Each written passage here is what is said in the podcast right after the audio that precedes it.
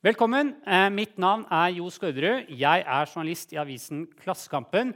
Og jeg skal lede oss gjennom dette debattmøtet i regi av Trondheim litteraturfest og Norsk Folkehjelp Solidaritetsungdom, hvor vi skal prøve å få svar på om norsk bistandspolitikk er feilslått. Norge er jo et lite land, men med et selvbilde som en humanitær stormakt.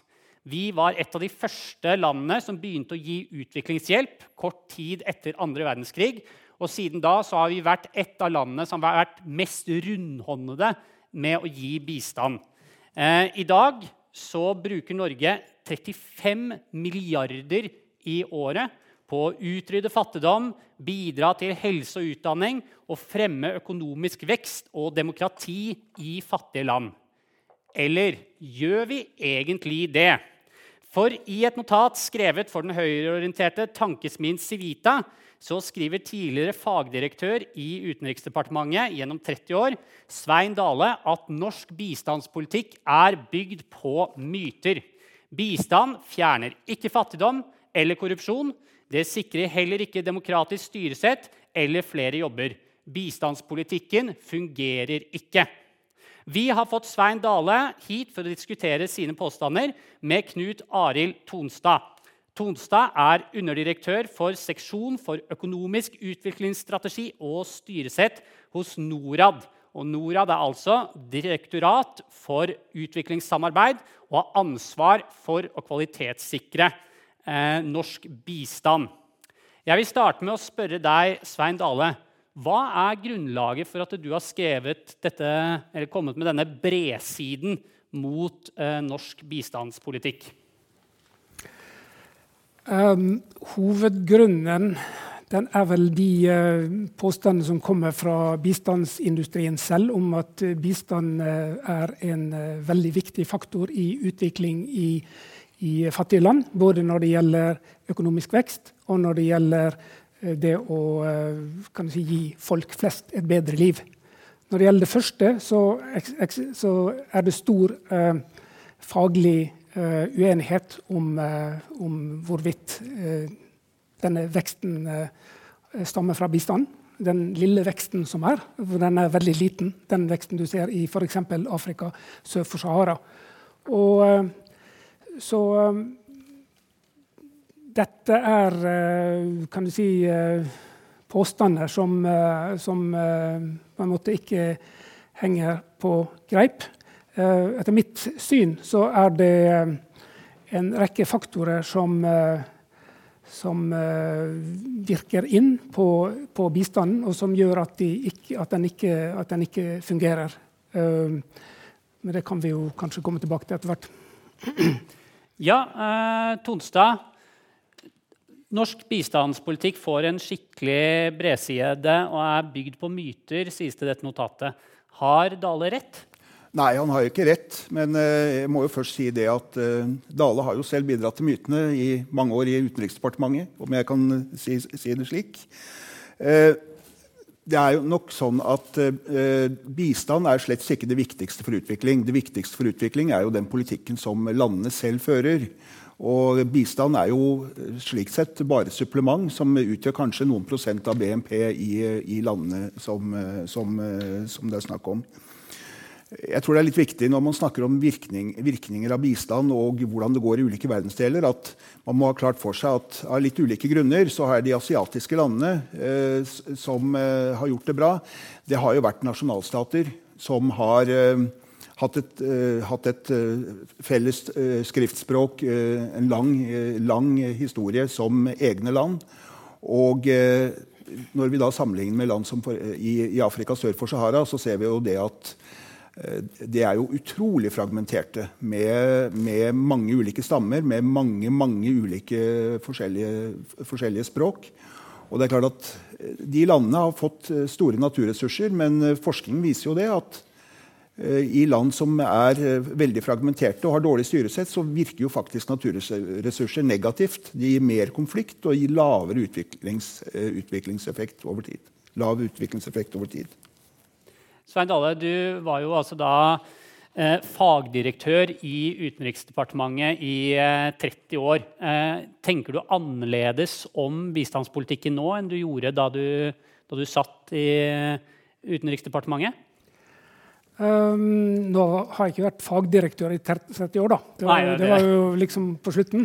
Uh, jeg må si at jeg begynte å få mine tvil uh, første gangen jeg var ute. Det var i, uh, i Tanzania i 1984-86. Og allerede da hadde du en følelse om at si, alt ikke var, sånn, ikke var, helt på stell i en del utviklingsland. Og, og da vil jeg si at det som, det som kan du si, på en måte er litt uh, typisk for Afrika i forhold til uh, si, land i andre verdensdeler uh, som har lykkes bedre enn Afrika sør for Sahara, er si, det dårlig styresett.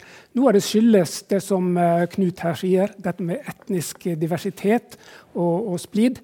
Men du ser dette med fenomenet korrupsjon du ser maktsyke, du har Obote i eh, Eller du har, eh, du har Museveni i, i, Uganda, som holdt seg, holdt seg, ved roret i 32 år nå. Og du har veldig mange slike, eh, slike folk i, i Afrika. det er folk som har på en måte og Du ser at landet deres de står på en måte på stedet hvil. Og når du har ledere som som har som et av sine fremste mål å, å samle penger for seg sjøl og få disse ut av landet. Uh, og uh, kan du si, sørge for seg sjøl og sin egen klan, så får du på en måte ikke de, de, den, den, dynamikken som du ellers får i et uh, kan du si, velordnet, byråkratisk styrt samfunn Eh, som, eh, som, vi er, vant med.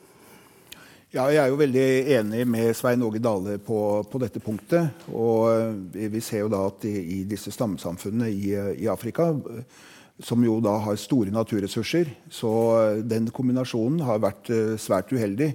I Asia, med mer homogene samfunn og med lite naturressurser, så har jo også lederne hatt et mye sterkere insentiv til å vokse økonomien i stedet for, som man i Afrika har gjort, og, og, og rane naturressursene.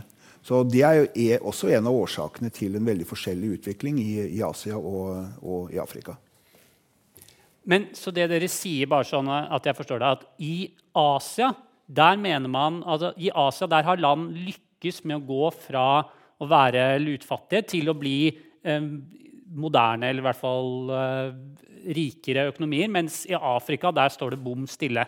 Er det, er det sånn eller i hvert fall veldig lite utvikling. Er det en riktig framstilling? Det, det, man vel kan si, er at uh, Asia synes å ha en slags dynamikk som uh, godt kan skyldes de faktorene som, uh, som Knut her nevner, som du ikke finner i, i, i, Afrika. Du har mye korrupsjon og nepotisme i, i Asia også. Men samtidig har du ledere som, som på en måte også har en uh, etos da, og, og, som, uh, som, gjør at uh, de, de, bidrar til at landet deres også utvikler seg. De har på en måte ambisjoner også på vegne av, av landet. De, det er noe som reflekteres i dem. Og det er jo kanskje litt vanskeligere å tenke seg i land som egentlig ikke er land, da, men lappetepper som er satt sammen av, av kolonimaktene. Ja, eh, jeg tror jeg, vi er jo veldig enige om dette. Og så, så bør vi da også peke på det at uh, i landene i Øst-Asia de var jo da mye mer tettbefolket enn uh, landene i Afrika. Og det falt dermed også mer naturlig å, å, sette i gang med familieplanlegging. Sånn at I Korea så fikk man jo omfattende programmer fra 61 til 62 som ikke hadde den type overgrep som vi senere så i Kina. Og jevnt over i, i Øst-Asia har det jo vært uh, stort omfang av uh, familieplanlegging når det gjelder å få uh, folk ut på helsestasjoner, informasjon, gratis prevensjon osv. Så, så vil jeg nevne én ting til. og, og de, Disse landene har jo da også satset på industrialisering. Mye gjennom eksport. Det har jo ligget godt til rette for dette også, fordi de har jo ligget ved, ved kysten. Og de har hatt lite ressurser bortsett fra arbeidskraft. Så det å satse på arbeidsintensiv eksport har, har, falt naturlig. Men de har jo selvsagt gjort det som har vært nødvendig for å få det til. jeg må si, altså det, som vi har sagt flere ganger her, men det er jo, vi bruker 35 milliarder kroner på bistand i året. Det er 1 av såkalt eh, BNI, som er en litt mer komplisert måte å si BNP på. Altså hvis jeg skal være litt, litt sleivete. 35 eh, milliarder kroner i året. Men, og så sitter vi her og vi bruker 35 milliarder i året, og så sitter vi og har en debatt om det fungerer eller ikke. Eh, og jeg må si at eh, For meg som ikke er fagperson innen dette feltet, så, så, virker det litt kuriøst. Fordi Det burde man jo på en måte vite før man bruker 35 milliarder. Så dere vet jo noe om dette her funker eller ikke. Hvordan måler man om bistandspengene gir effekt? Ja, man, eh, man vet jo ganske mye. Man vet jo at man satser mye på nødhjelp. Det har effekt. Man vet at man satser på vaksinekampanjer. Det har effekt. Man vet at man satser på familieplanlegging, og det, det har effekt. Eh, det er klart at Også på området utdanning så vet man at eh, ting har effekt. Der det er særlig uenighet, eh, er jo på dette, i hvilken grad dette slår ut på BNP, slik vi da måler, måler økonomisk aktivitet. Her har det vært en uenighet. og og eh, det har vært vanskelig å måle, fordi at eh, disse dataene er jo problematiske. Og eh, det er jo slik at fattige land de får mer bistand enn rike land, så, årsaksvirkningen går jo begge, begge, veier. Det er jo også sånn at, som jeg nevnte, bistand gis av veldig mange ulike årsaker. Det jeg tror er riktig å si, er at det er i økende grad enighet om at bistand gir effekt på BNP. Eh, fordi at det man ikke i tilstrekkelig grad har tatt hensyn til tidligere, er jo at man må se på veldig lang sikt hvis man skal fange opp virkningen gjennom utdanning, som jo tross alt eh, går over et eh, livsløp. Og, og, dette med helse. Begge disse tingene får man ikke fanget opp hvis man har veldig korte tallserier. Så, så, så, så nå peker jo ting i retning at dette har også effekt på, på BNP. Som økonom syns jeg det er veldig flott, men jeg mener ikke at det er avgjørende. Vi skal jo, vi skal jo satse på utdanning for, for jenter og, og, familieplanlegging og nødhjelp, selv om det ikke skulle ha en umiddelbar effekt på, på BNP. NRK P2 sender aktuelle debatter fra ulike scener i landet. Du hører Debatt i P2. Ja, altså jeg syns også som økonom at det er flott med 1 eh, vekst. Eh, problemet er at eh, de folkene som denne veksten skulle komme til gode, de stakkars bøndene som etter 60 år fremdeles står ute på landsbygda i Tanzania med hakkene sine for å skaffe mat til familien, de merker ingenting til det. Og da har vi altså 60 år bak oss med utrolige mengder med bistand til det landet og til en del andre land. Så her tror jeg vi må, vi må, liksom eh, Den akademiske debatten den syns jeg er relativt uinteressant. Det kan være at det er fint eh, å få en artikkel som viser at det er 1 eh, vekst. Det er for øvrig ikke unison enighet om det. Mitt ankepunkt mot den bistanden som, som Knut her eh, lovpriser, og på helsesiden f.eks., er at veldig mye av den antagelig ikke er bærekraftig. Vi har land som har en veldig svak økonomisk vekst. Og, og si, den reelle veksten. Du har en, en, kanskje en, en, høy vekst akkurat nå i, i, i, en del land, men samtidig har du en veldig høy befolkningsvekst. slik at det er, veldig, det er veldig lite penger igjen til å fordele på, på, på de folkene som kommer. Og når, når man da på en måte har land som ikke har råd til å overta disse veldig kostbare eh, programmene på sikt, så må man jo bare si, håpe at vi har råd til å finansiere det lenge nok til at de, eh, til at de kan overta dette. Eh, når det gjelder f.eks. hiv-aids-innsatsen, så har jo amerikanerne som er den største bidragsyteren der, regnet ut at, eller regnet for noen år siden jeg vet ikke hvordan det har gått, men for noen år siden så regnet de ut med at halve USAIDs budsjett i 1916 ville gå med til, uh, til å hjelpe folk uh, som var hiv-aids-smittede. Fordi at du både må fortsette å gi medisiner til de som, uh, de som har de, de, som har sykdommen, samtidig som det er en forventning om at dette skal ekspanderes. Eh, veldig mye av helsebistand er kanskje av samme typen. Noe er ikke av samme typen. Vaksinering for eksempel, fungerer jo kanskje litt annerledes. Ja. Eh, når det gjelder bistand at, eh, og, og, utvikling, så er det jo slik at eh, det er mange land som vokser ut av, ut av fattigdom eh, i, i, Asia nå. Det er også enkle land i, i Afrika. Uh, det vi nok ser for oss, er at fattigdommen uh, i økende grad vil være konsentrert i Afrika sør for Sahara. Uh, de har nå ca. 40% av eller kanskje knapt halvparten av verdens ekstremt fattige. Og ser vi fram til 2030, så vil de ha en 80-90 Fattige land i, i, i, Asia, slik som India og, og f.eks. Bangladesh, vil vil, eh, vil, vokse ut av fattigdommen og vil trolig så å si eh, eliminere eh, ekstrem fattigdom. Så bildet vi ser framover, er nok det at Vesten i, i, økende grad vil måtte konsentrere bistanden til, til fattige land i Afrika sør for Sahara hvis det ikke skal gå helt galt. Jeg er opptatt av bærekraft. Jeg har jobbet mange år i Finansdepartementet, så det er, det er en ting som, som jeg syns er ekstremt viktig. Og det er deler av bistanden som er slik at det bidrar til økte kostnader i, i disse utviklingslandene, uten at dette gir økte skatteinntekter og økonomisk vekst. Jeg tror ikke helseområdet er det, er det, som på en måte er mest problematisk. Det er andre områder hvor, eh, hvor eh, Vesten bidrar til at eh, utviklingslandene får økte kostnader. Og, og ja. Men jeg må spørre, fordi En påstand jeg har hørt om bistand og om norsk bistand, er at bistand kan bidra til å fange land i negative strukturer.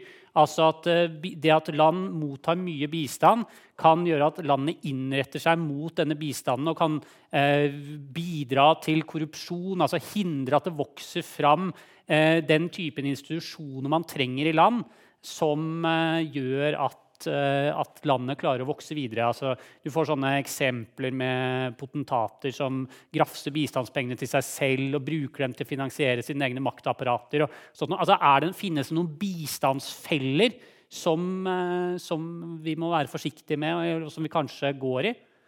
Jeg vet ikke om det finnes mange bistandsfeller, men det finnes i fall veldig mange potentater. som du sier. Og uh, Vi har uh, eksempler kanskje Nigeria er det landet som er mest gjennomsyret av denne kulturen. Men du har også Kenya. Du har en god del andre land som har folk som virkelig som bruker bistand til å, å karre til seg uh, si, egne, egne, midler, og som får, for, for, deretter forflytter dem ut av, ut av landet. Men hvorvidt hvorvidt det, det, dette er en bistandsfelle. Altså, tidligere hadde du, eh, hadde, du, land som var så fattige at, at bistand utgjorde en veldig stor del av, av budsjettet deres, som bare måtte bukke og takke når de, når de, fikk penger, og som gjorde nesten hva som helst for å få dem. Men i dag så eh, er det jo, eh, kan du si, også med kan du si, den kinesiske innflytelsen, har jo minket bistandens betydning. slik at det er, i dag så er det mer ja, så er det en, en kan si en velkommen, eh, velkommen påplussing, men eh, kanskje ikke, ikke, så veldig avgjørende. Det fins jo folk som mener at eh, bistand har en direkte destruktiv effekt, som spesielt i slike bistandsavhengige land. Og, så det er du blant dem som mener det? Ja, altså, jeg har ikke noe empirisk grunnlag for å, for å mene det. Men det er en, en, en, eh, dame som heter Dambisa Moyo, som er fra Zambia, som har skrevet en, bok som heter 'Dead Aid', der hun redegjør veldig grundig for hvilke mekanismer dette er snakk om. Ja, eh, det er mange som har snakket om at eh, det fins At det nok er eksempler på det. At, at regimer har blitt sittende lenger fordi at de har fått bistand. Og det, det, virker sannsynlig, men det er jo klart det er veldig vanskelig å påvise det helt konkret. Men, eh, men eh, dette har jo vært mye framme i bistandsdebatten eh, tidligere. Så det er en ting man må ta med i betraktning. Og jeg tror det at når det gjelder disse regimene som er flinke til å klamre seg til makten, så ser vi det særlig i, i land med ganske store naturressurser. Angola, mye korrupsjon i, i, i, et, i, et, slikt land. Og det er også Svein Åge nevnte Nigeria. Det har vært ekstremt fragmentert og veldig store naturressurser. Altså Den kombinasjonen vet vi er problematisk. Og de er ikke spesielt avhengig av bistand. Altså, de, de, har jo store oljeinntekter. Det har Angola også. Og det er jo på en måte hovedproblemet her. Store inntekter fra naturressurser og ekstremt fragmentert.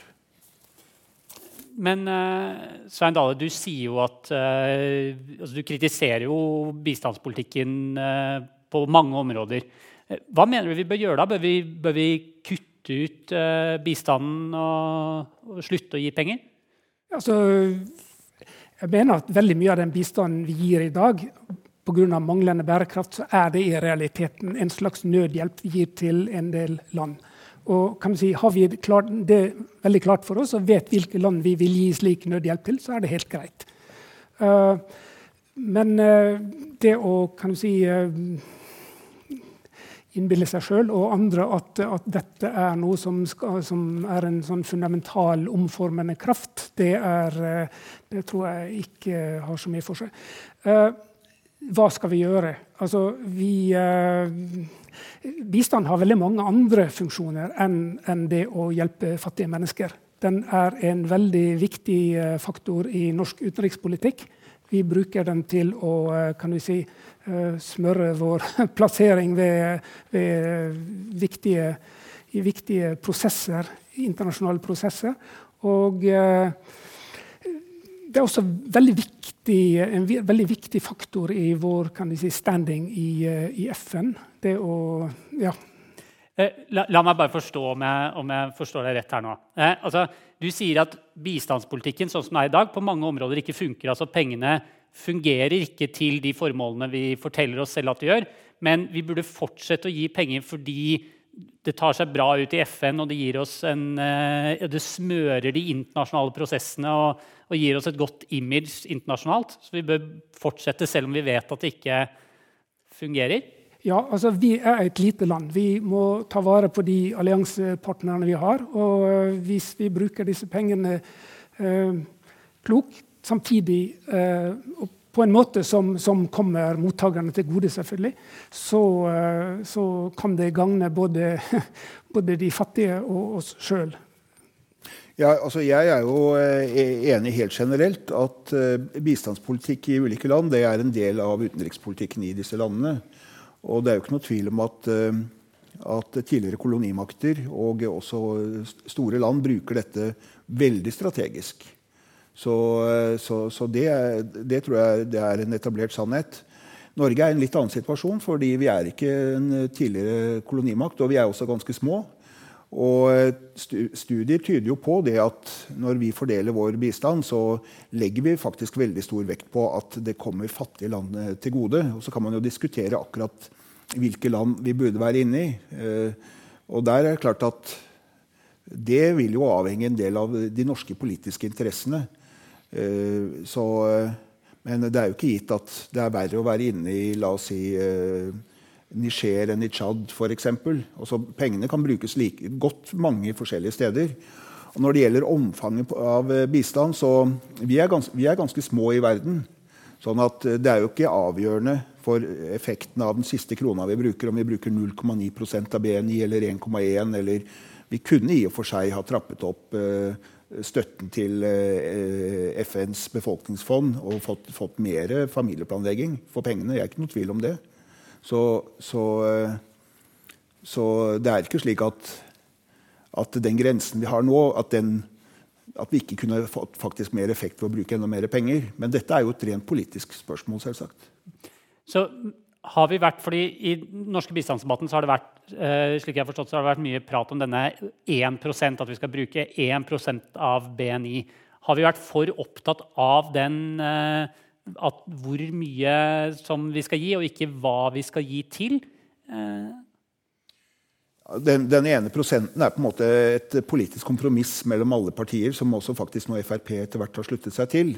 Sånn at uh, det, det, har vært sett på som hensiktsmessig. Og som jeg nevnte i stad, så, så, er det jo slik at om vi bruker noe mer eller noe mindre, så vil jo effekten av den altså Det er vanskelig å si om eh, effekten av de siste kronene er høyere hvis vi går en del, eh, bruker litt mer enn en dette. Så det er jo et slags, Man har satt en eller annen strek som man kan da være enige om. Og så er det jo da en uh, politisk kamp internt i Norge om akkurat uh, hva man skal prioritere. Og i Norge så har vi de siste årene prioritert uh, antikorrupsjon, likestilling, miljø og menneskerettigheter spesielt høyt. Og i alle norske bistandsprosjekter så skal man ha en vurdering av effekten av prosjektet på disse fire såkalte tverrgående områdene. Så, så ja, det er mitt svar. Hva syns du om de prioriteringene, Svein?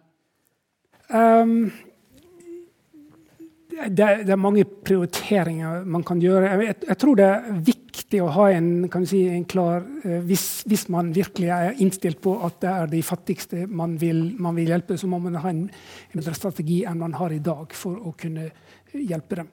Og én strategi må jo være å kan du si, uh, gi de selv mer makt. Altså empowering. Empowerment. Og, og, det er mange måter man kan gjøre det på. Eh, den dårligste måten er antagelig å gå via myndighetene med mesteparten av bistand. Fordi myndighetene er eh, svin? Eller beklager, korrupte? Eller, ja. I de landene der, man, eh, der det er helt opplagt at de er det, så, så er det iallfall en, en, en dårlig løsning. Uh, man kunne, man kunne, ta mer sikte på, på, frivillige organisasjoner. Det er forresten en, en strategi som Norge bruker. Men, men, være veldig oppmerksom på hvilke organisasjoner hvilke typer organisasjoner, både internasjonale og lokale, man bruker, som kan bidra til å si, få eh, skape checks and balances i, i landet og påvirke landet i en demokratisk og si, mer eh, Eh, bedre retning. Så, så, det er det ene. Og det andre er jo kanskje, som henger litt sammen med dette, er eh, kan du si, eh, cyberspace i, eh, i, disse, i, disse, landene. Det er mange utviklingsland, kanskje spesielt i Afrika, er veldig dominert av, av, staten. Og det er veldig sterk kontroll med informasjonen som går ut. I Tanzania ble det nylig forbudt å betvile statens statistiske opplysninger. Så hvis man kunne hjelpe, land, hjelpe folk i land til å distribuere eh, riktige opplysninger og kan si, eh, av, avdekke fake news fra myndighetenes side, så tror jeg dette kunne være, kunne være fornuftig. Selvfølgelig må man ikke gjøre det på en måte som kan du si, eh, bidrar til å undergrave eh, myndighetene direkte. Det er noe som en stat som Norge ikke kan være bekjent av. selvfølgelig. Det, det, dette høres veldig interessant ut. men Her må jeg problematisere litt. Fordi Hvis du går inn og begynner å, å undergrave staten da, altså i et land som har, altså har informasjonskontroll, og så går eh, norsk bistand inn for å bidra til fri informasjon og på den måten undergraver kunne vi ikke da potensielt havne i en situasjon hvor vi, hvor vi puster til flammene på et opprør eh, eller, eller konflikter internt i landene? Vi vet jo f.eks. at Sør-Sudan var jo et land hvor vi var tungt inne, hvor det, hvor det ble eh, konflikter, hvor det har kommet påstander om at, eh, at, man i for stor grad eh, bidro med teknologi som gjorde at stammeledere kunne snakke med hverandre. organisere opp. Altså, jeg, jeg, ser problematiske muligheter da, i det du, det du foreslår. NRK P2 sender aktuelle debatter fra ulike scener i landet. Du hører debatt i P2? Jo da, det er oppsider og nedsider ved, ved teknologi, selvfølgelig. Og, eh, og, man må jo ikke stelle seg slik at man, eh, at man eh, gjentar fadesen i, i Sør-Sudan. Men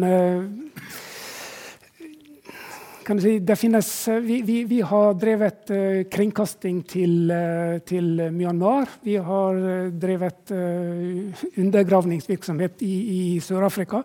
det er for så vidt eh, Det er snakk om overganger, eh, om eh, gradvise tilnærminger. Men, men, jeg mener på ingen måte at man, at man skal innta noen sånn aktiv rolle i, i, å styrte noe regime her.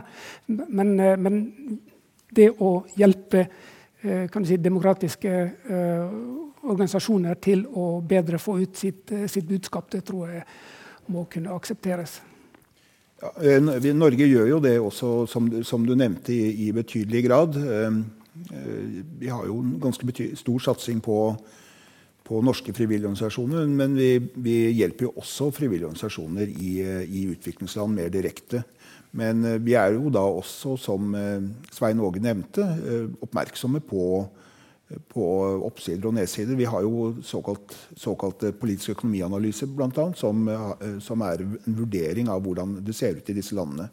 Det er kanskje én ting jeg har lyst til å trekke fram som ikke har vært uh, framme. Og det er jo dette med den veldig store kapitalflukten fra disse uh, landene, bl.a.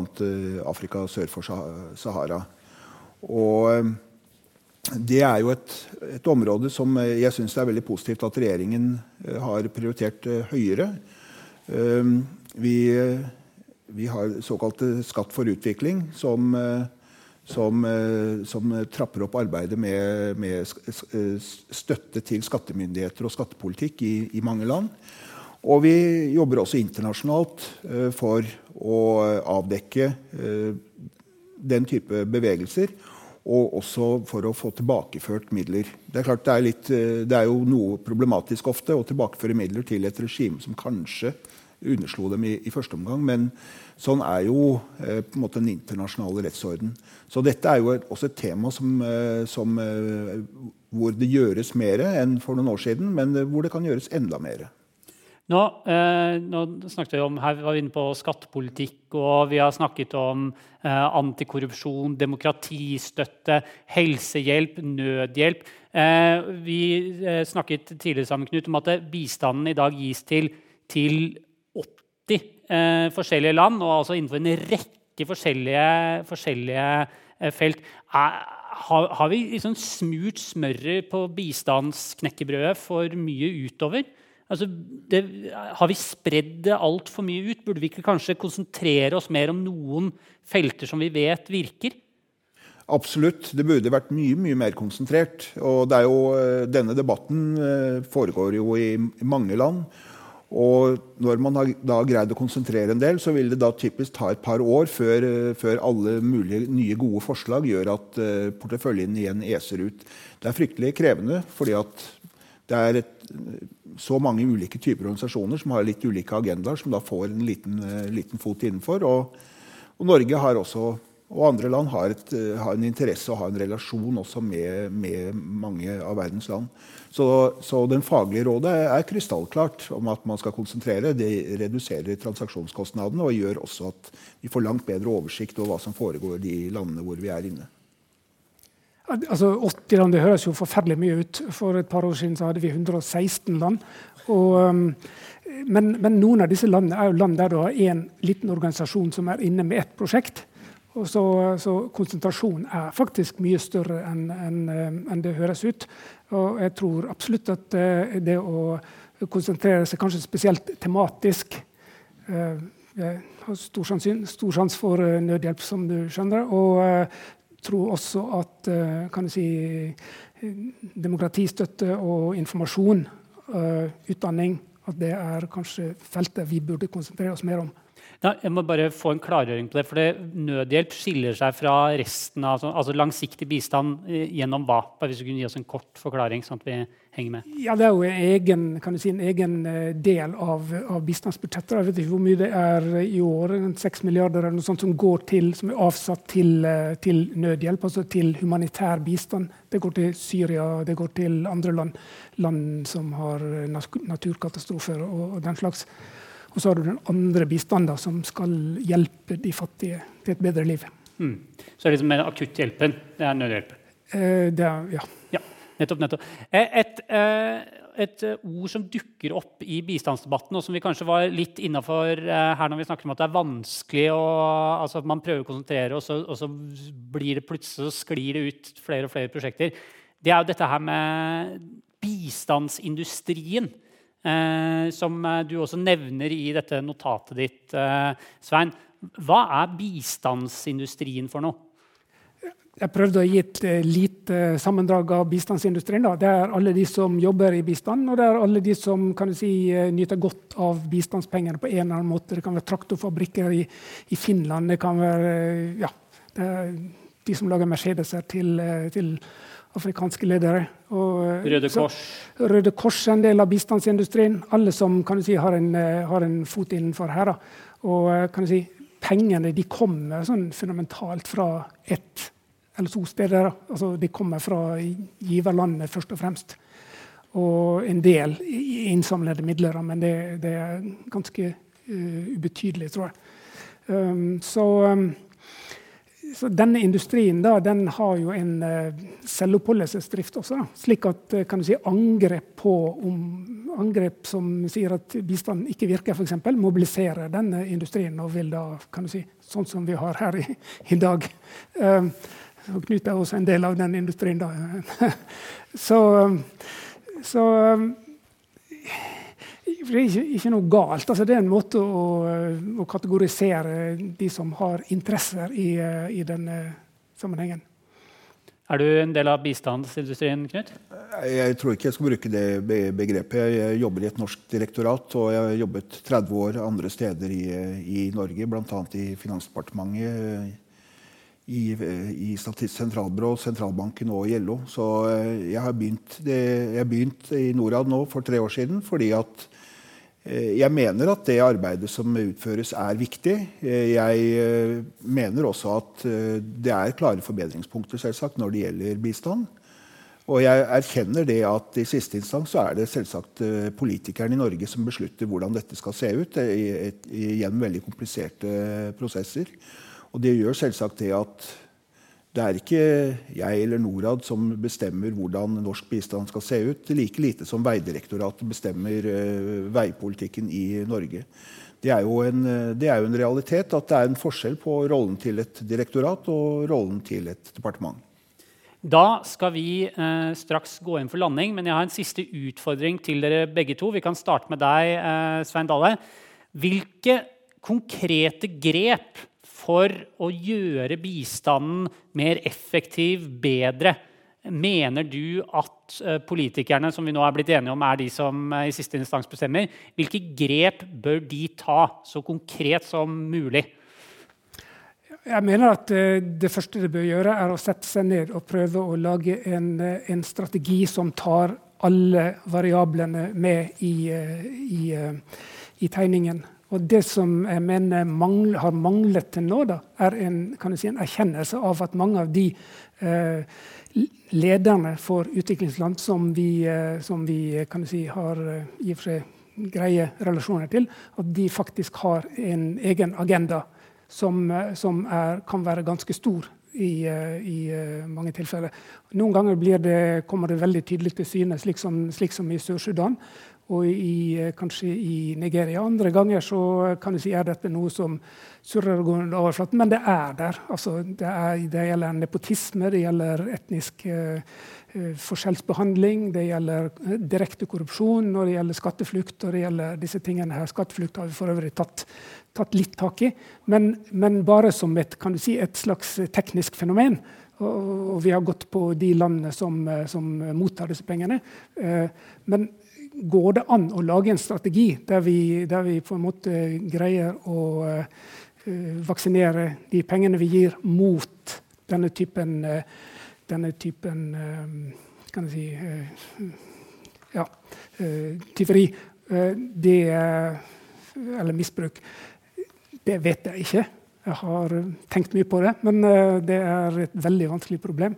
Men altså, før vi kommer dit, så tror jeg ikke vi virkelig får noen ordentlig effekt av, av bistanden vi gir. Knut Onstad, hva tenker du? Hva er det noen, hvis du skulle konkret gått inn og gjort bistanden bedre, mindre feilslått, hva skulle du gjort da? Jeg tror det er da viktig å få uh, mer fokus på uh, raskere økonomisk vekst i uh, afrikanske land. der er det veldig mye å lære fra Øst-Asia. Muligheter for industrialisering er absolutt fortsatt til stede, selv om det er mer krevende nå enn, enn tidligere. Vi vet at østasiatiske land eh, ga billig kreditt til industrien sin, prioriterte strømmen til industrien, og i tillegg hadde undervurdert valutakurser. Vi ser I Afrika så har de overvurdert valutakurser. Det er billig å importere, dyrt å eksportere. Eh, næringslivet får ikke eh, kreditt. Og de får heller ikke sikker strøm. Disse tingene kan man i prinsippet fikse. Det er, klart, det er politiske årsaker til det, det er som det er, men eh, det, her bør det være mye, mye mer fokus på å få fart på disse landene. Eh, ellers så mener jeg det at vi bør ta og satse på konsentrasjon. Eh, det er muligheter for å konsentrere mer. Jeg tror det er riktig at eh, vi gir bistand i økende grad gjennom internasjonale organisasjoner. Og samtidig fokusere mer på områder som, eh, med kunnskapsoverføring på områder hvor vi faktisk har, en, har noe å tilføre. Og Hva slags områder er det vi har noe å tilføre? Ja, Vi kan hjelpe utviklingsland på, når det gjelder fiskeri f.eks. Vi kan hjelpe dem på ren energi. Vi kan hjelpe til når det gjelder oljeutvinning. Eh, slik at de får en bedre teknisk kompetanse og får en større andel av eh, kaka selv. Vi kan hjelpe dem på skatt, og vi kan også hjelpe dem når det gjelder datastatistikk, data og statistikk, noe som virkelig mangler. Konkrete tips til politikere og bistandsorganisasjoner der, altså. Det var så langt vi kom i dag på å besvare spørsmålet om norsk bistandspolitikk er feilslått. Vi sier tusen takk til eh, Svein Dale, tidligere eh, direktør, eller tidligere fagdirektør i, eh, i Utenriksdepartementet. Og vi sier tusen takk til Knut Tonstad i Norad. Mitt navn er Jo Skødderud, og jeg er journalist i avisen Klassekampen. Og da sier vi tusen takk for oss.